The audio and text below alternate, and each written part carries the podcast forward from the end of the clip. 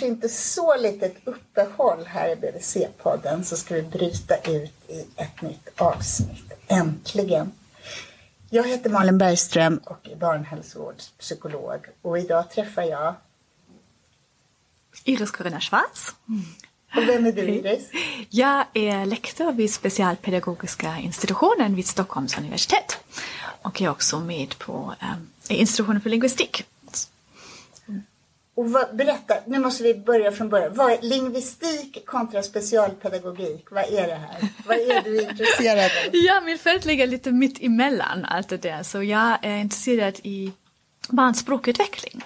Så hur lär de rätt små, de spädbarnen, hur lär de sig språk? Jag tycker det där är så fascinerande. För om man är en språkforskare som du är och har hållit på med språk så länge. Hur kan man hamna i att det man vill studera är människor som inte ens har lärt sig något språk alls?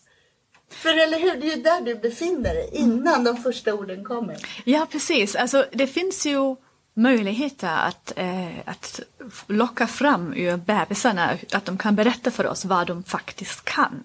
Och det är väldigt fascinerande. Det finns eh, metoder att ta reda på, att ställa rätt fråga så att säga. De kan inte nicka, de kan inte säga ja, så här gör vi. Men um, det finns prövade beteendemetoder som man har använt i 30-40 år eh, som vi har lärt oss att ställa rätt fråga och då kan bebisarna visa för oss eh, vad som pågår när de håller på att suga åt sig språket så att säga. Och kan du ge något sådant exempel? Ah, ja, det finns, äh, det finns olika metoder men en som har äh, stått sig bra till det är, ehm, um, jag hittade det, um, den konditionerade uh, tittlådetekniken, eh, conditioned head turn paradigm på engelska. Och då lär man ut till bebisar som är kanske från fyra månader, uh, lite äldre, lär man ut att när de hör en skillnad mellan två olika talljud som till exempel ba och da, att han ska vrida på huvudet genom att det dyker upp en liten tittlåda, en rolig grej det var, alltså för 30 år sedan var det lite små trummande kaniner som lusar upp i det, där, därför heter det tittlåda, så det är ganska, ganska gammalt den här uppsättningen.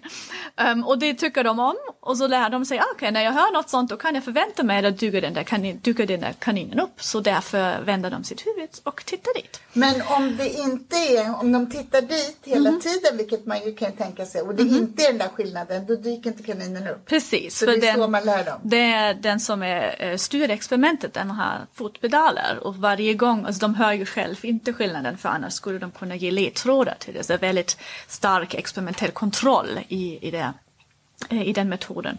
Och eh, då dyker alltså ingen belöning upp, alltså den här kaninen fungerar som en belöning. Och därför heter det konditionerat, alltså man lär ut till barnen att så här kan du förvänta dig, om du hör en sån skillnad, då kan du förvänta dig att kaninen dyker upp. Och det är kul.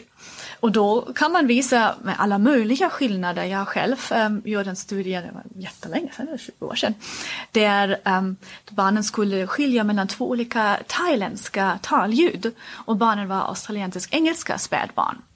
Och eh, deras föräldrar de kunde lyssna på det de hade barnen i, i eh, knät när de körde studien. De hörde inga skillnader, men de kunde se hur deras fyra, fem, sex månader gamla barn vred huvudet när de uppmärksammade en skillnad mellan två talljud som de inte kan, de inte hört någonstans förut. Mm.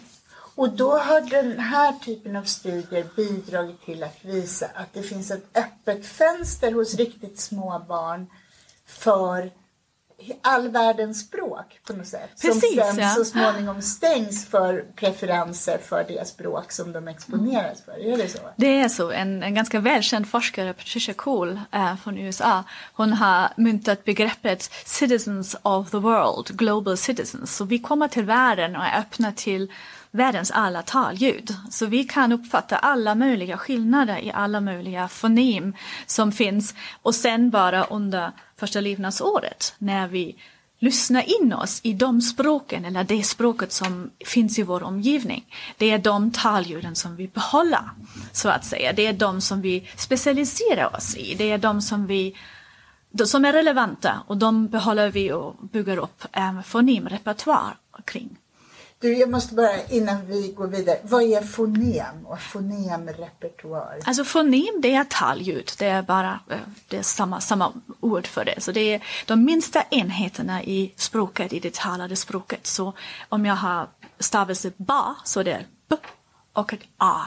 Så det är två fonem som utgör stavelsen ba. Mm. Och och fonemrepertoar, det skulle liksom vara alla fonem som vi kan, som vi har i vårt register eller sånt, mm, skulle man kunna säga. Och är det så att vi nu vet att den här processen, att jag går från att vara en citizen of the world till att bli en svenskspråkig flicka, att den pågår under det första levnadsåret? Ja, det, det är den specialiseringen, den händer under första levnadsåret.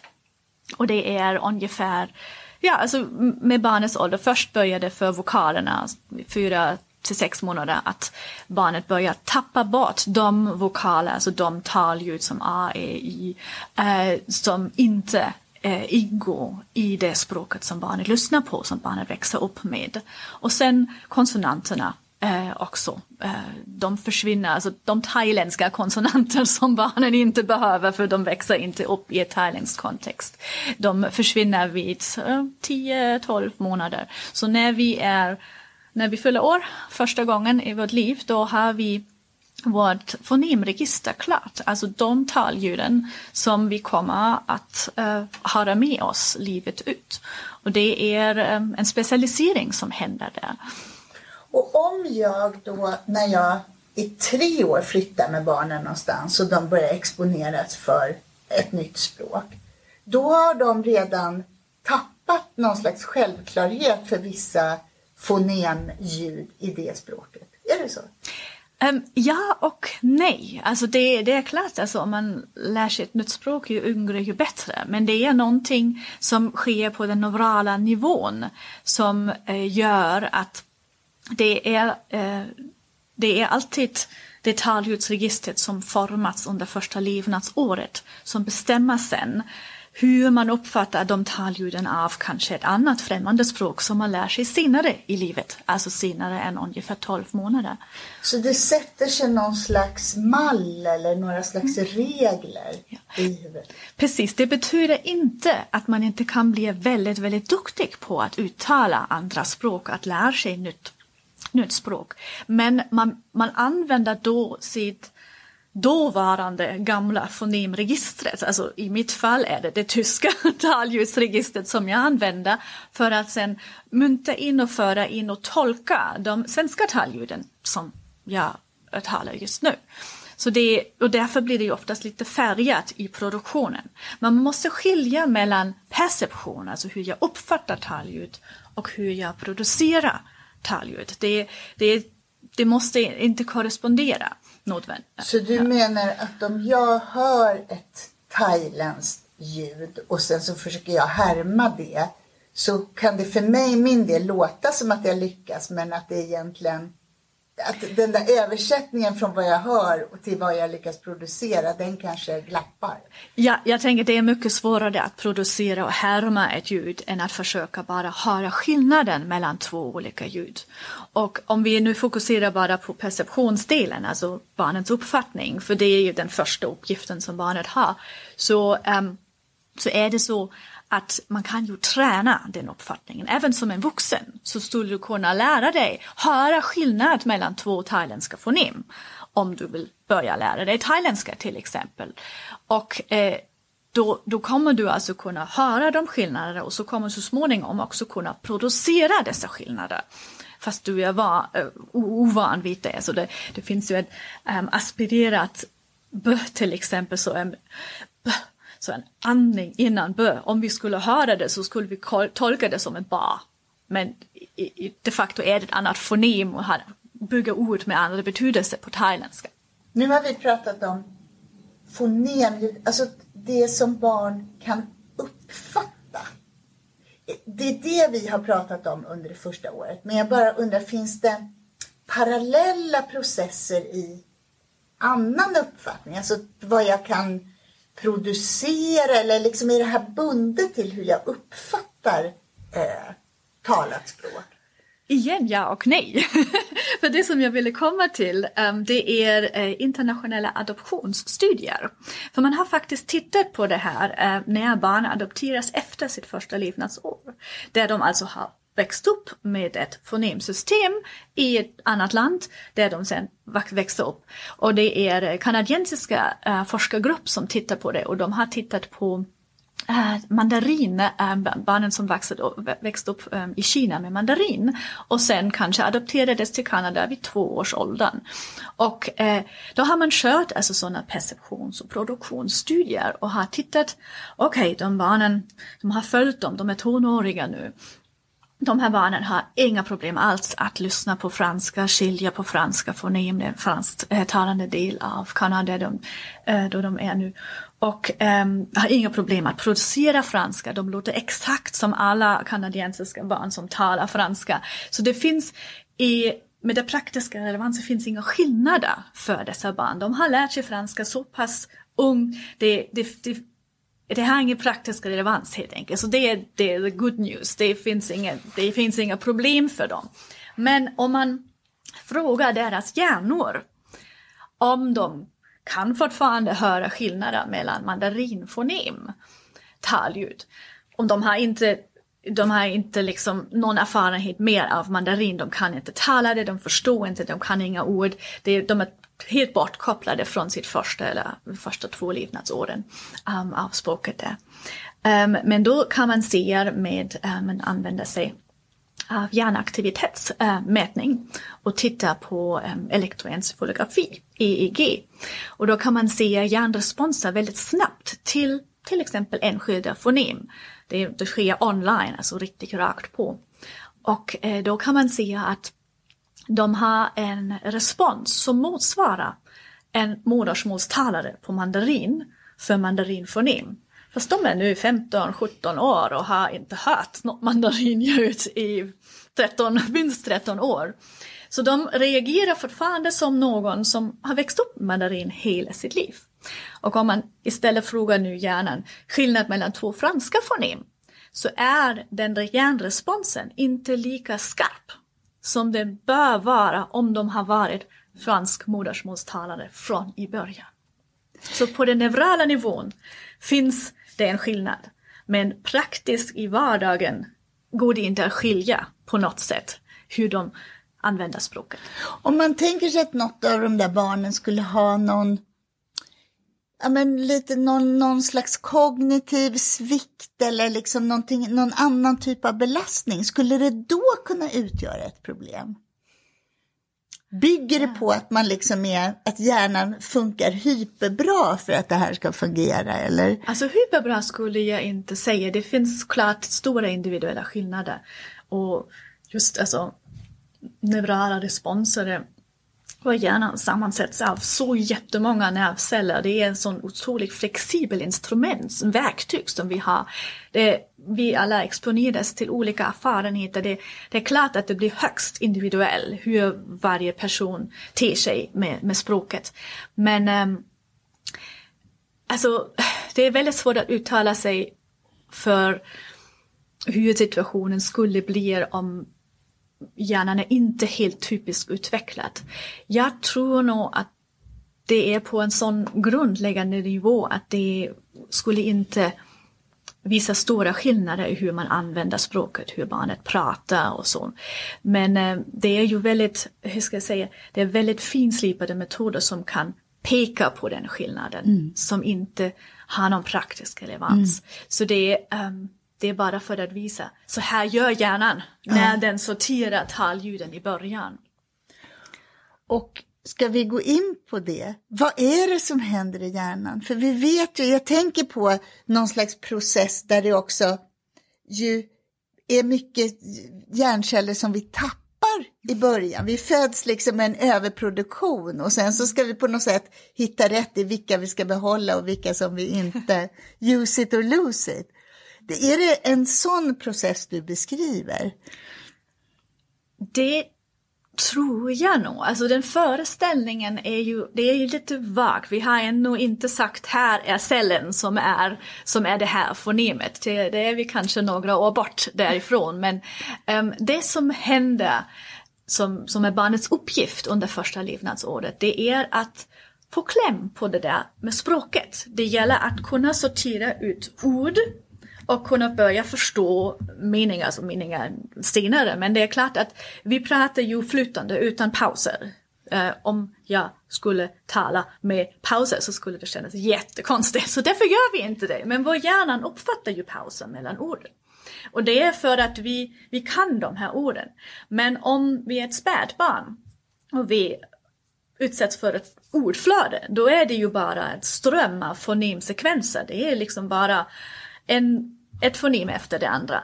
Och eh, vad som tillkommer som försvår, försvårar problemet, det är att eh, de uttalas varenda gång på olika sätt. Alltså varje person som skulle säga b säger b lite annorlunda. Varje gång man säger b, även om det är samma person, säger man det lite annorlunda. Och de där skillnaderna, de är akustiskt mätbara. Alltså de, de finns fysiskt. Det är, alltså, man kan tänka sig talljudet b som ett, ett stort moln av olika versioner och varianter av det. Och några som är lite prick på, det som vi skulle tänka är det stereotypiskt bästa b.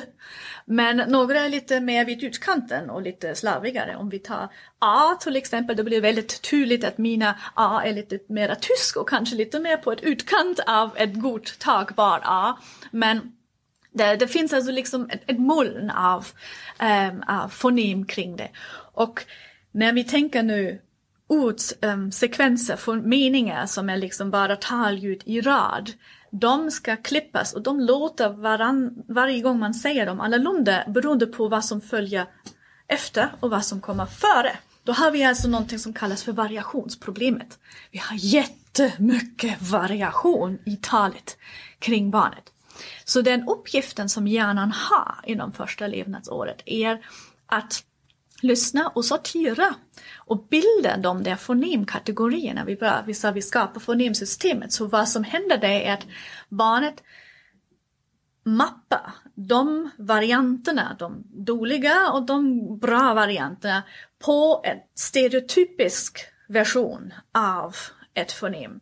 Så att alla dåliga b också låter som b i hjärnan. Så det är en otrolig filtreringsprocess som händer där egentligen det kallas för warping på engelska. För man, vad man gör är att man förvränger verkligheten. Hjärnan förvränger den akustiska verkligheten. Så den uppfattar eh, att varianter av ett fonem som är värre, som de ligger närmare mot mitten än de faktiskt gör. Och det är det som underlättar att känna av ordgränser inom ett fonemflöde och kunna klippa ut ord ur talströmmen. Och det är en förutsättning för att kunna lära sig ord. För jag måste ju kunna klippa skarpt. Att här börjar ett ord, här slutar ett ord. Vad, vad är gränsen? För bara, bara då kan jag sen mappa det till ett referensobjekt. Till exempel en nalle eller en boll eller något sånt. Det är egentligen en obegriplig process, att det funkar. Ja, det är helt fantastiskt. Jag kan inte säga exakt hur det är nu på neural nivå hur det görs. Men det har att göra med att pruning, man klipper bort de förgreningar som inte är aktiva när man lyssnar på ett visst språk, på ett visst ord. För att det blir, ja, det blir liksom motorvägen i hjärnan. Mm. Och ur, det är inte bara så att det är fantastiskt att barn kan mappa, som du säger, alla A i en kategori fast de låter väldigt olika och de låter olika från olika människor. Utan det är också så att det finns en receptivitet för en massa ljud och för en massa input som de inte kommer få. Och då ska det där falla bort också. Så det, det, det som du beskriver som en sortering, det är också någon slags insnävande mm. av... Ja, det är en specialisering. De, de blir, från citizens of the world blir de ja, specialister Ja. på sitt eget språk eller de språken som barnet växte upp. För om barnet växer upp med flera språk samtidigt så händer den processen på alla dessa språk. Du, vi ska återkomma till det här med flerspråkighet för det blir ju en naturlig följd. Men jag tänkte innan dess på stimulans. Vad behövs det här? Jag tänkte på när man pratar bebisspråk och blir så här övertydligt. Mamma! Titta på mamma! Så man, man, jag tänker att man på något sätt har i sig för att man vill hjälpa i den där processen, eller? Alltså det uh, antar jag att det verkligen görs, att, det, uh, att man gör det intuitivt för att det är det som barnen gillar väldigt mycket och det är det som uh, hjälper den sorteringsprocessen. Man, man har tittat på, alltså du kallar det för bebisspråk. Um, jag försöker alltid undvika det, för det finns någonting som man kan förvirra barnriktat tal med. Och det är den där goody goody goody doody die die die. och, och det kallas det lite ofta för bebisspråk. Och lite nedsättande. Och det har ju inget innehåll. Alltså det, det viktiga är så, där är mamma! Men då gör man ju någonting, då talar man ju på riktigt och säger mamma väldigt tydligt för att förmedla det jag som är mamma och så vidare. Det här kallas för barnriktat tal. För man talar på riktigt och man gör det bara barnvänligt. Och det är ju någonting som man gör ganska intuitivt för att man vill gärna se glada ansikten hos spädbarn. Det är, ingen vill höra att spädbarn gråta. Så, så då försöker man le, le lite och när man ler då, då liksom höjs grundtonen i rösten och man eh, ja, pratar lite extra glad och öppnar ögonen och ler och så gör barnet samma sak. Och då uppstår liksom en interaktionssituation, även kanske om barnet är tre månader och säger inte särskilt mycket i den interaktionen, men att det, um, det uppstår ett samspel. Och du frågade vad är det som barnen behöver för att sortera sina talljudskategorier och lära sig ord. Ja, men de behöver interaktion, de behöver sådana samspelssituationer, man behöver tala med dem. Och ehm, um, barnriktat tal är ju bara en del av det. Det finns um, en större översiktsstudie i USA som har tittat Eh, på inspelningar som man har gjort eh, där man eh, förser barnen med en liten inspelningsmanik och följer dem 12-16 timmar per dag och spela in hela ljudmiljön kring barnet. Både liksom barnens vokaliseringar men också av de vuxna i hushållet. Kan, man kan bara frekvensmässigt skilja mellan manlig röst och kvinnlig röst. Alltså det är inte vilka talare som finns kring barnet går inte att urskilja då. Men man kan se att, um, att man kan se det uh, under en sån dag att um, det är främst mammor som talar för det USA, för det är mammorna som är hemma. De talar mycket mer med barnet eller kring barnet än papporna. Och om man sen efteråt sorterar in den där högre grundtonen, den där barnriktade talet. och sen den andra delen, alltså vuxenriktat tal bara som vi pratar just nu. Ja. Inte lika överdrivet. Um, då ser man att per dag är det kanske 10-15 minuter som mammorna hemma i USA talar med sina spädbarn. Så det är inte det enda som utgör att man lär sig språket, men det är kanske det som ger nyckeln för barnet för att kunna ta till sig resten också, alltså när föräldrarna pratar med varandra och man lyssnar in och kanske snappa upp någonting därifrån. För det är ju väldigt mycket vuxenriktat tal som finns i den urbana miljön kring ett barn. Och det är egentligen, så att säga, barnen lär sig endast från barnriktat tal. Det är för lite, mm. helt enkelt. Det finns en lite äldre studie från tror jag, Holland, då var det fem minuter per dag. Men då hade de två barn i huset, eh, det var en spädbarn och ett en, en småbarn. Och då var det bara fem minuter per dag under en vecka av inspelningar. Så det är ännu mindre tid som går för att verkligen tala barnriktat till bebisen. Så det kan inte vara den enda vägen, men det är i alla fall ett jättebra verktyg. Men vad vet vi om den här variationen i det som barn exponeras för? De behöver ljud och de behöver mänskliga röster. Vad behöver de musik? Oh. det, ja, jag antar det, det är säkert bra, men det kan jag inte uttala mig om. um, de behöver framförallt någon, en person. Så det, det, det som inte kan um, ersätta en person är en padda, en dator, eh, en, radio, tv. Um, ehm, för den interaktionen måste ha någonting spontant. Alltså vi behöver den sociala komponenten. Vi svarar på så många olika nivåer också, icke-verbala nivåer till varandra.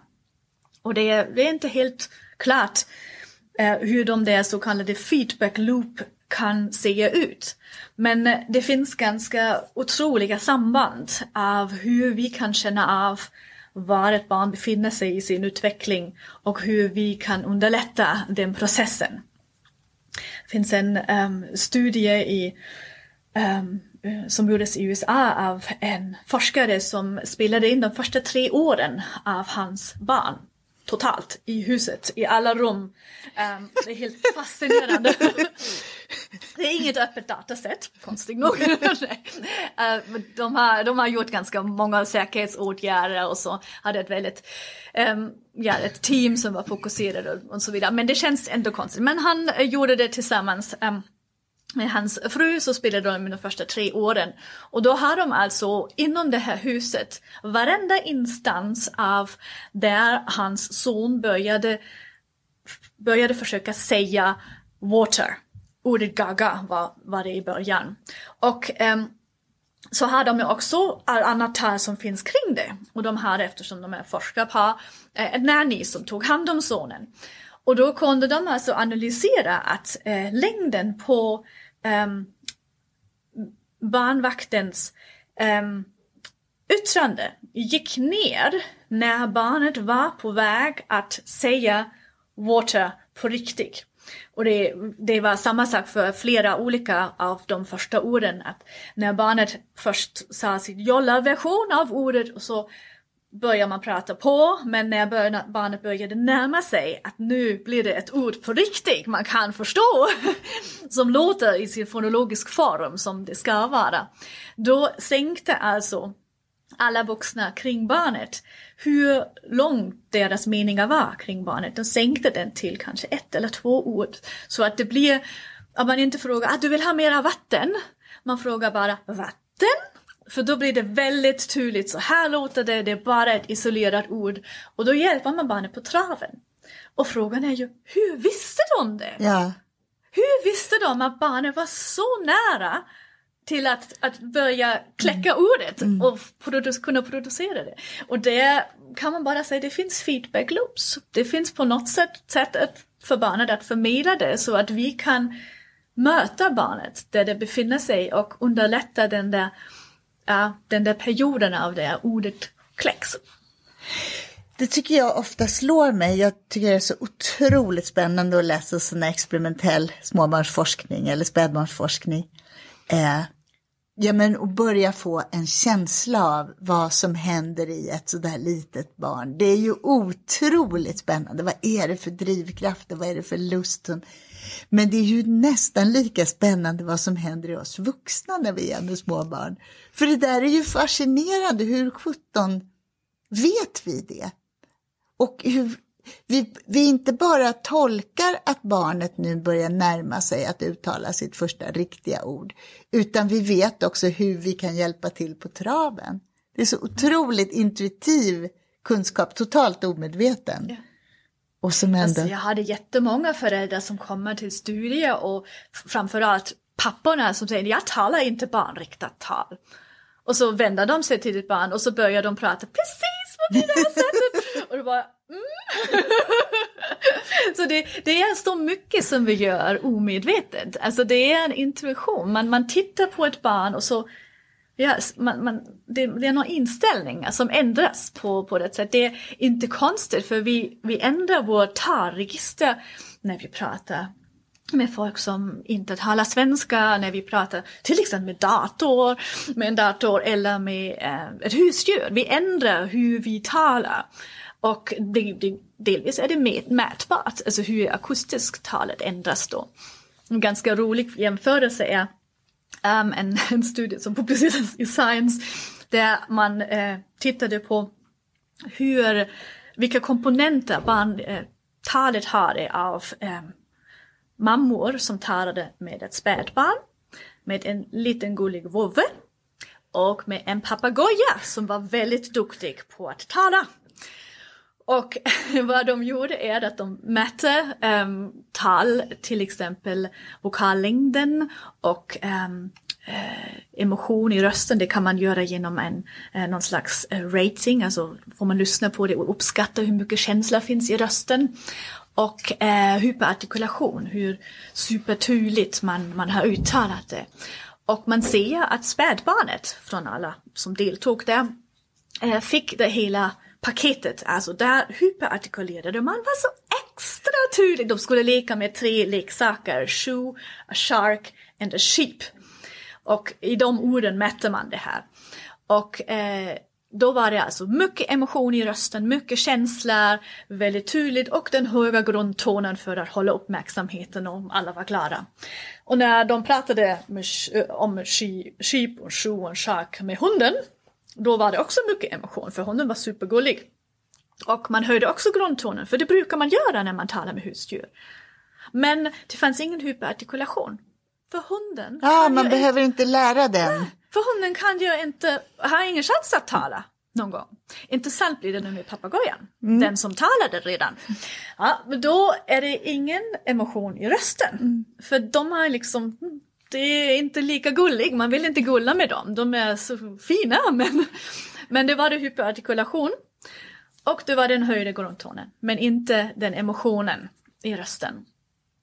För den hade en chans att kunna mm. tala mm. och ha visat, alltså kunde visa med good morning eller någonting sånt kunde den säga.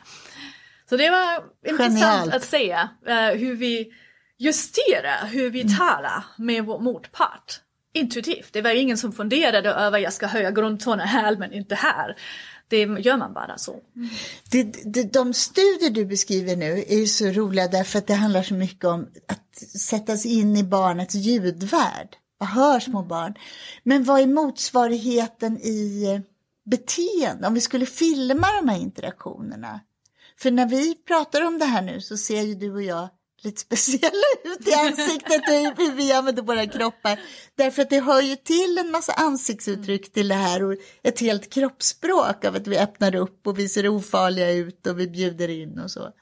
Och det som vi psykologer ju pratar om som det är det här omsorgssystemet som vaknar hos en eh, som nybliven förälder som är liksom en motsvarighet till barnets anknytningssystem och sådär. Det måste ju höra tätt ihop de här två sakerna. Det, det tror jag absolut. Det är, det är ingenting som jag har eh, tittat på själv. Men eh, det, alltså, om man bara tar ansiktet, det är ju väldigt mycket som man uttrycker med det och just ett leende, vem har inte försökt fånga upp med ett leende ett barn som är på väg att börja gråta och så lyckas man, om man ler tillräckligt bra, så svänger man det här och det blir inget utbrott. Så det är, um, det är klart att det finns mycket som, som man kan spegla. Man, um, emotionerna, eh, uh, föräldrarna gör ju på något sätt att de speglar känslorna till, från barnet och försöker sen lära ut så här får du dem under kontroll. Mm. Det är en ganska viktig roll som föräldrar har under första levnadsåret. Men som sagt, det är inte, inte det någonting som jag själv eh, tittat på. Du sa att när man lyssnar på ett barns ljudmiljö eh, när de är riktigt små så är det kanske tio minuter och förr var det kanske fem minuter mm. som man får eh, av sånt här barnriktat tal där man verkligen vill eh, hjälpa barnet. Ja, så den där ansikte mot ansikte. Ja. Men vad är det mer i den där miljön som är viktigt då? För du sa att nej, men skärmar eller att en TV står på i bakgrunden, det verkar inte så viktigt. Är det interaktion mellan andra runt barnet? Eller? Alltså, det kan säkert också vara en källa till information. Det den kärnan som, som, alltså, som verkligen påverkar språkutvecklingen positivt, det är verkligen det där samspelet ansikte mot ansikte med en annan. Det behöver inte vara föräldern, det, det kan vara ett syskon till exempel. För även äldre barn anpassar sin röst och talar barnriktat tal med sitt yngre syskon. Det gör de ja, gör de gärna. Um, och också intuitivt, precis som, som vuxna. Men um, vad jag menade med när jag nämnde skärmar, att man, man kan inte lära ut språket på det sätt. Och eh, vi har pratat mycket om ljud, eh, talljudkategorier i början. Man försökte eh, hålla systemet, talljudsystemet öppen för amerikansk engelska spädbarn i och med att man bjöd in dem till labbet till en mandarintalare som hade några leksessioner med två, tre spädbarn åt gången. Det var tror jag, 12 sessioner totalt, 20 minuter åt gången eller någonting sånt. Och det räckte för att dessa barn som bara växte upp med amerikansk engelska kunde fortfarande skilja mellan mandarinkonsonanter, det var två, eh, ja, alltså, två talljud som de testades på, medan alla de amerikanska amerikansk engelska av den åldersgruppen, motsvarande som inte hade den där lekstunden, de tappade den förmågan så de kunde inte längre skilja på det. Man vet inte hur lång tid det kommer att hålla sig. Men då har man liksom sett, okej, okay, här kan vi knuffa på det där fönstret lite grann genom lite exponering. Men de hade inte bara sessioner med en person som satt där och lekte. De hade spelat in samma talare som leker och läser böcker på, um, i en videofilm. Och har visat den här filmen utan någon möjlighet att interagera till två, tre barn i, i gruppen som istället för en riktig person när man satt i en TV där som gjorde i princip samma sak. Men hade inte möjligheten att reagera på barnen. Och då var det noll effekt på talljudskategorier. De har inte lärt sig några mandarinkontraster eller behållit några mandarinkontraster. Det fungerade inte alls. Men det, alltså det var den första, så det var 96 tror jag som, som den kom. Och eh, då har man liksom försökt eh, se lite närmare på hur mycket kan jag vrida och vända på den sista biten. Att vi behöver ha den sociala kompetensen. Det vi behöver ha möjlighet för feedback. Och eh, då har man sett att om vi har en skärm som går att interagera med, som bara liksom sätter på och stänga av genom att det är um, touchscreen. Och man har två eller tre bebisar i någon slags leksituation med skärmen. Då har det effekt. Så då har man reducerat den där feedbacken på att vi trycker på en skärm men sen är hon på och talar mandarin med oss. Eller så är hon av. Och eh, man har också tänkt att kanske att det är två, tre spädbarn tillsammans, att det blir någon slags gemensam, lite konkurrens, men då blir det interaktivitet bland spädbarnen istället. Och då kommer vi lite in på, det är ju inte en vuxen som talar med ett barn just nu, men det är spädbarnen varandra som kanske visar så här gör man med skärmen, sen kommer det på. Och det har också någon effekt, inte lika stark kanske, men det var alltså den, den minsta versionen som man kunde rädda de där talljusdifferenserna, eh, de skillnader som de kunde höra fortfarande. Men allting kokar ner till mänsklig interaktion. Och, ja. och att jag bidrar, jag är aktiv, jag är inte en passiv mottagare mm. utan jag är med och gör saker. Ja. Om vi pratar om flerspråkighet då, vi pratar om stimulans, vad är det som behövs för att få igång det där? Och du sa tidigare att barn, när man riktar sig till dem och eh, säger ord på ett sätt som blir lättare för dem att ta emot så, så kan de skilja på det mellan olika språk också. Ja, det, um, det kan de om de växer upp med flera olika språk. Det det finns um, studier från Kanada när man använder sig av engelska och franska som är väldigt många är ju tvåspråkiga från början. Det är alltså familjer som är tvåspråkiga. Och då är det så att um, barn som växer upp med flera språk oftast använder sig också av fler ledtrådar än barn som kanske inte behöver utnyttja sina resurser på samma sätt. Um, och då eh, syftar jag till den, den uh, visuella informationen. För man får ju också mycket information om vad som sägs genom hur ansiktet rör sig.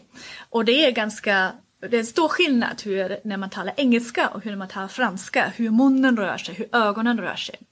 Så vad de gjorde där var att de hade en talare som spelades in um, och uh, talade engelska och sen bytte till franska flytande, för så hon var flytande på båda språk. Utan att det syntes på något, um, något sätt för, för barnen. Och så kunde man se att fyra månader gamla barn, om de bara växte upp med engelska, kan de uppmärksamma när hon byter från engelska till franska. Och man ser det på tittbeteende, det är en annan metod man kan titta på hur lång tid de tittar och uppmärksammar skillnader och så vidare. Och, eh, Som handlar om att när det händer något oväntat så tittar de längre. Precis, det är, habitueringen försöker man utnyttja där. Alltså de får titta så långt tills de är uttråkade och om man sen byter eh, stimulus i situationen då tittar de längre igen för de har märkt en skillnaden för det blir nytt igen. Um, och vid fyra månader då spelar det ingen roll om jag har tvåspråkiga bebisar eller jag har enspråkiga bebisar, alla kan det. För de tittar tillräckligt mycket och det, det, det går bra. Alltså de ser eh, videon tyst såklart. Man ser ju bara talaren. Men vid åtta månader då använder enspråkiga barn inte längre den, um, den visuella informationen på samma sätt. Så de har tappat den förmågan att kunna skilja på en tyst film och se att den där talaren byter nu mellan engelska och franska. Så de kan inte längre det. Men de tvåspråkiga barnen, de kan fortfarande det.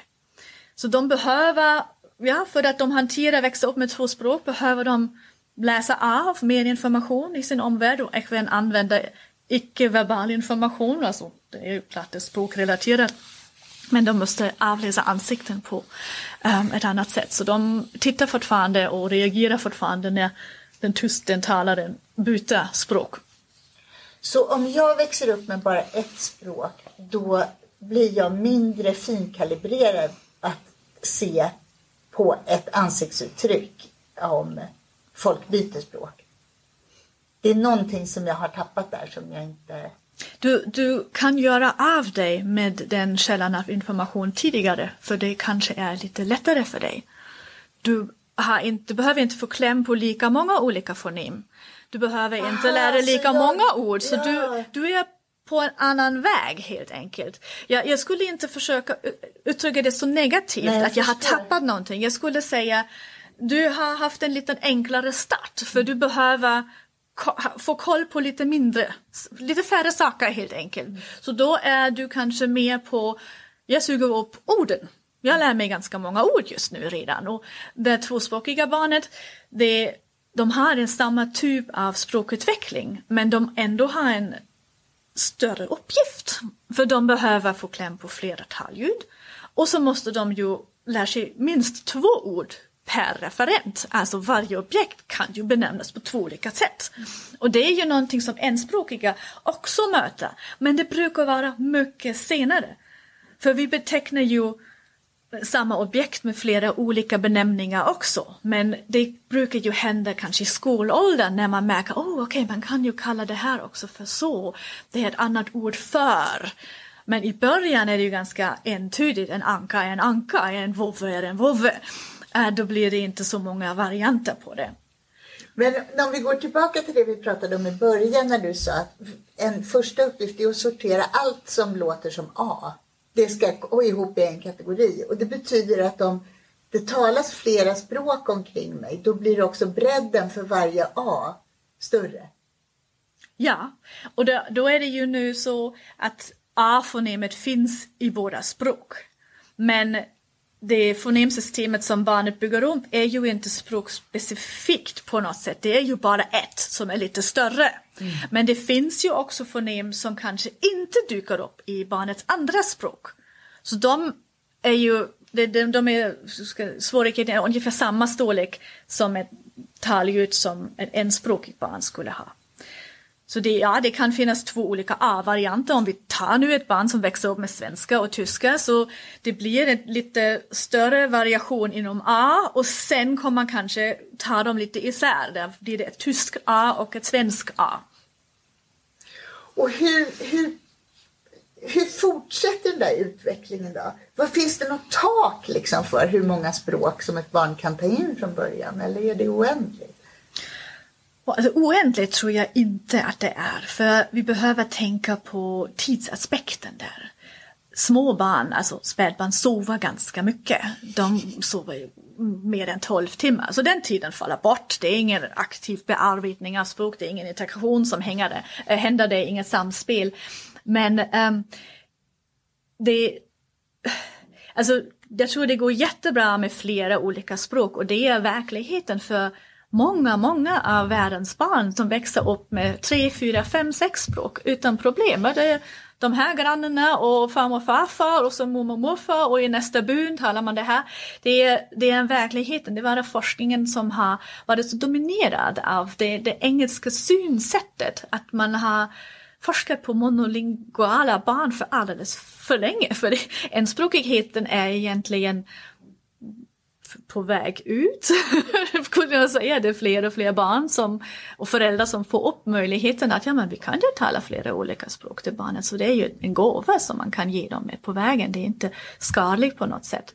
Men om man tänker på hur många vakentimmar ett spädbarn har och hur många språk man skulle kunna föra in det på ett vettigt sätt så tror jag nog att det finns en gräns. Jag vet mm. inte var den ligger men det, det skadar ju inte heller att börja senare med ett till språk. Om man redan börjar med tre och sen ska det vara den fjärde, då kan man ha den kanske i ja, förskoleåldern eller någonting sånt, lägga till den. Så det, det blir ju Ja, det, där barnet är vaken längre så har man mer chans för samspel ja. helt enkelt.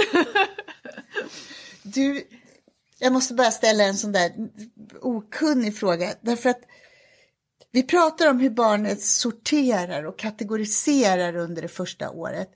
Men när kommer det in, för att till exempel så ska ett barn vänja sig vid att du och jag uttalar ordet mamma på lite olika sätt och så ska man referera det till samma sak. Men när börjar man skilja ut de olika språken? För här har vi ju inte bara det att vi uttalar saker på lite olika sätt utan också att det kommer finnas flera ord för samma företeelse och så vidare. Hur ser den sorteringsprocessen ut över tid? Hmm. Um, alltså det första som jag tänkte på när du ställde frågan är um, att man när barn lär sig ord att eh, man kan luska fram det, hur mycket de redan kan som sex månader gamla barn om man använder en bekant röst. Och den bekantaste rösten är för de flesta ju mammans röst. Så man har kunnat se att eh, sex månader gamla barn kan ganska många vanliga ord från deras miljö som boll och flaska och så, det är det engelska allihopa. Men bara om det är mammans röst som säger flaska, boll och då ser man att de är inte oberoende från rösten vid den tiden. Alltså de sex månader de har varit mest hemma hos mamma, det är en amerikansk studie. Då är det den rösten som de känner bäst och den variationen, de, de kan hantera mammans röstvariation bäst. Och det är klart att det blir bättre med tiden och de kan hantera min variation och din variation.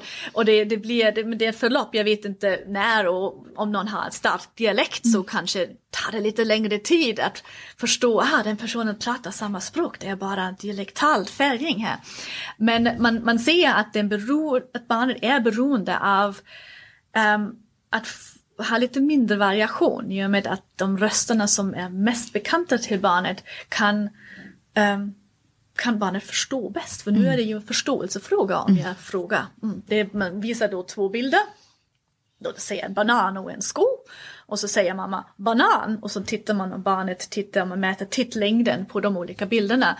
Och om en experimentator frågar banan då är tiden ungefär samma sak och det blir inte, då tror man okej okay, barnet kan inte det här ordet men om mamman frågar banan då kan barnet ordet.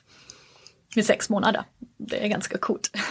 ja det är fantastiskt, det är fantastiskt. Men det är också så, det är ju svindlande på något sätt hur man stoppar in saker i en sån hyperfungerande liten hjärna när de kan se ganska liksom vimsiga ut när de är sådär små. Ja, de, de är så, som så svampar, de suger ja. åt sig orden. Och vi har ju pratat om den där processen med att bygga upp fonemsystemet, kategorier. Vid sex månader är den ju inte klar på något sätt det, de är ju mitt på gång. Alltså de har börjat kanske tappa lite saker som de aldrig hör. Men de håller ju fortfarande på att specialisera sig och kan redan då använda det som de har i sin verktygslåda för att klura ut så här många ord av sin vanliga miljö.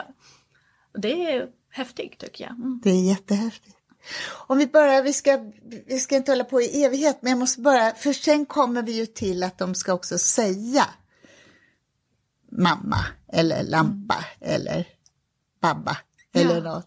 Och den där processen, för den inbegriper ju egentligen, den inbegriper en hel muskelapparat och man ska kunna artikulera och forma munnen och hålla tungan. Och, Ja, det är en grej till som är svårt. Ja. Men äm, de övar ju också. Sen, sen de har kommit till världen så börjar de ju vokalisera.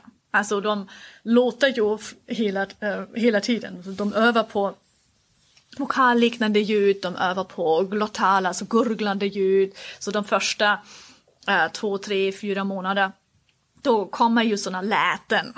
Men det är redan början på joller. Alltså det, det är den första stadien. Och Om man ger eh, uh, sådana läten till vuxna för att säga, ah, var det här kanske en vokal, var det kanske ett ah eller ett i eller och så, då är det ungefär vid fyra, fem månader att man säger, okej, det skulle kunna vara ett vokal. Um, det skulle kunna vara en vokal. Um, men när barnet sen börjar sätta ihop en konsonant med en vokal som till exempel ba eller ga eller da, alltså det är de typiska. Eller ma, det finns också. Det är ganska ofta är det a-vokalen som ligger skönast i munnen tydligen. um, så då börjar de ju jollra där. Och eh, när de kan eh, upprepa en stavelse och det blir kanske ga, ga, ga eller da, da, da. Då är de fram vid konsonantjoller. Det är det typiska joller. När man säger ordet joller så tänker alla på konsonantjoller, alltså på det stavelsejoller. Så här gör man. Eh, man- reduplicerar eh, stavelser. Och det är en, en jättestor tröskel egentligen, kommer dit. För då är vi, då är vi nästan på att kunna härma tal. För det, det nästa steget som läggs till det, det är um, när barn varierar eh, artikulationsställe, var i munnen formar jag den här konsonanten? Alltså, är det g, det är långt bak, eller d, långt fram? Så då blir det kanske da, da, da, gu, gu. Då kan de variera både vokalerna och konsonanterna. Och där ser man att barnen som är ja, kanske 10-12 månader gamla, eh, att de kommer upp i en talhastighet av en vuxen. Så då imiterar de tal som vi för nu i vårt samtal på samma stavelsekvot som vi har, fast utan mening. Så det är som en torrövning, det är torrsimning för, för talet. Alltså där har de inte lagt in någon betydelse, men de, ja, de övar på alla former som behöver, alltså de övar på talapparaten helt enkelt.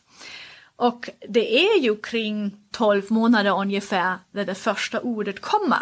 Alltså kanske mamma. Ganska många fall är det mamma. Det är väldigt likt jollret, det är en upprepning av en stavelse och det är en väldigt enkel stavelse. Eh, så det är för ganska många barn, det är debutordet. Och det kan komma för många, några barn vid nio månader, för några vid tolv eller lite, lite efter det. Men då är det ett helt annat sätt att producera det, för då är barnet ju väldigt medveten och försöka få ut det ordet, det är mycket långsammare. Det är inte talhastigheten som vi har övat i torrsim. Så det är bara, mamma, där, där jobbar barnet verkligen att försöka få kontroll över talapparaten och producera det. Och då kan det oftast vara tyst i tre, fyra månader efter det. För det, det räcker med en sån. och sen kommer fler. Det brukar, det brukar vara ett första ord och sen kan det ta lite tid tills pappa kommer eller någonting annat. Eh, och då, då blir det mindre och mindre att de där jollar, haränga kommer. För de, de slutar då, för då blir de riktiga ord och då vi på en annan nivå liksom. då är poängen att faktiskt försöka uttrycka någonting. Men eh, man ser alltså medan barnet uppfattar all, all tal och bearbetar och suger åt sig ord under det första levnadsåret, då gör de också ja, artikulationsövningar, jollar och försöka härma det som redan går att härma utan att lägga till innehållet. Och när innehållet kommer till, då blir det mindre och mindre jollar och till slut är vi framme vid 24 månader och då kanske kommer efter första tvåårsmening. Och det här jollret, den här torrsimsperioden, den låter olika beroende på vilket språk man växer upp med eller vilka språk man växer upp med. Alltså där minns jag lite um, studier som både hittade och studier som inte hittade. Jag kan inte säga något uh, avgörande där Nej. i det fallet men det skulle ju vara logiskt att man använder sig, att barnet använder sig av fonemrepertoar som finns. Men ändå är det väldigt, alltså universell är alltid ett så stort ord men det det där A-vokalen är ju väldigt dominant i väldigt många, väldigt många joller-fenomen. Och, ja. och, och där befinner vi oss i det här, alltså vad är, vad är det här universella och när börjar den där specialiseringen?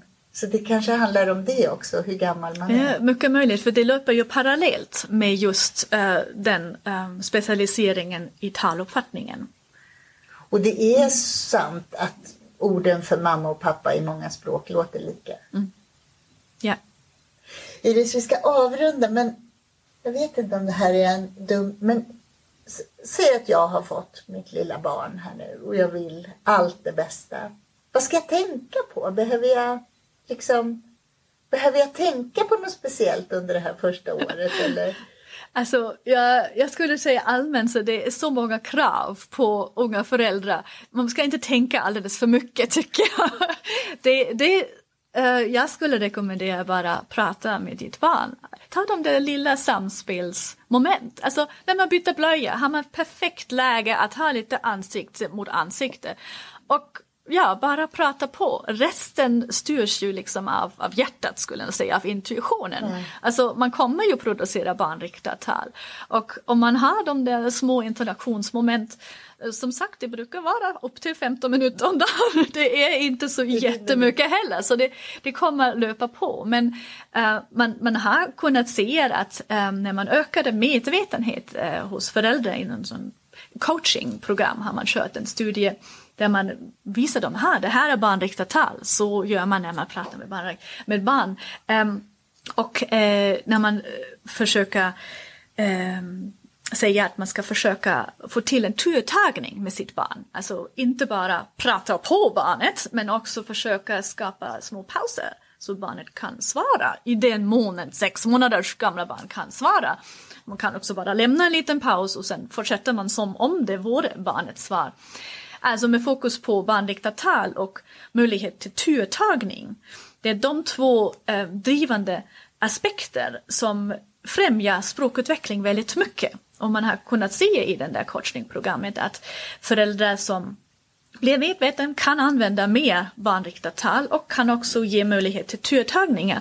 Och eh, det har man mätt med sådana inspelningar under hela dagen som jag nämnt tidigare. Och det barn som har haft föräldrar som har gått i det där coachingprogrammen har sen större ordförråd. Så i och med att säga skapa de samspelsmomenten och försök att prata mycket med ditt barn men också ge möjlighet till barnet att kunna svara. Om det är bara en ah, det är ett svar, det är första förberedelsen till det. Då um, blir det nog bra. Vet du vad jag kommer ta med mig från det här avsnittet utöver allt intressant som du har berättat. Det är de där papperna som säger till dig att de inte håller på med barnriktat och sen så vänder de så.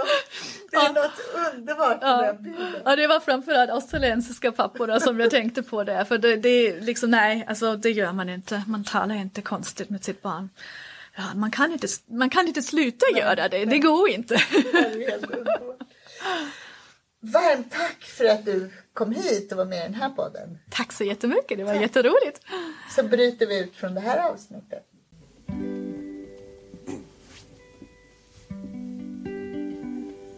Okej.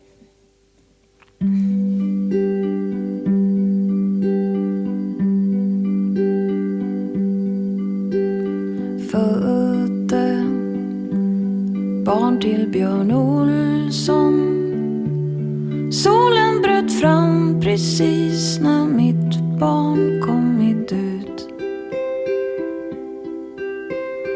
Låg i en pöl av svett och blod. Barnmorskan sa, jag såg din spelning på Luleå kulturhus. Hörde fåglarna sjunga om vår all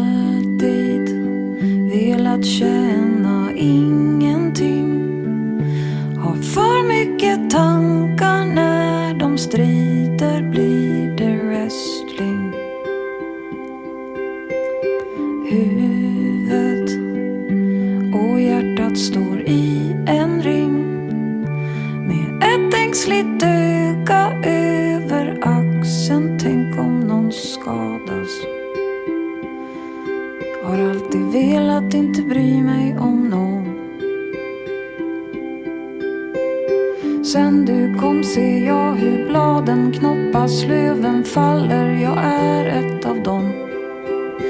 Det är ingen ångest, jag inser jag också ska multna och allt tillhör dig. Ser himlen åter bli grå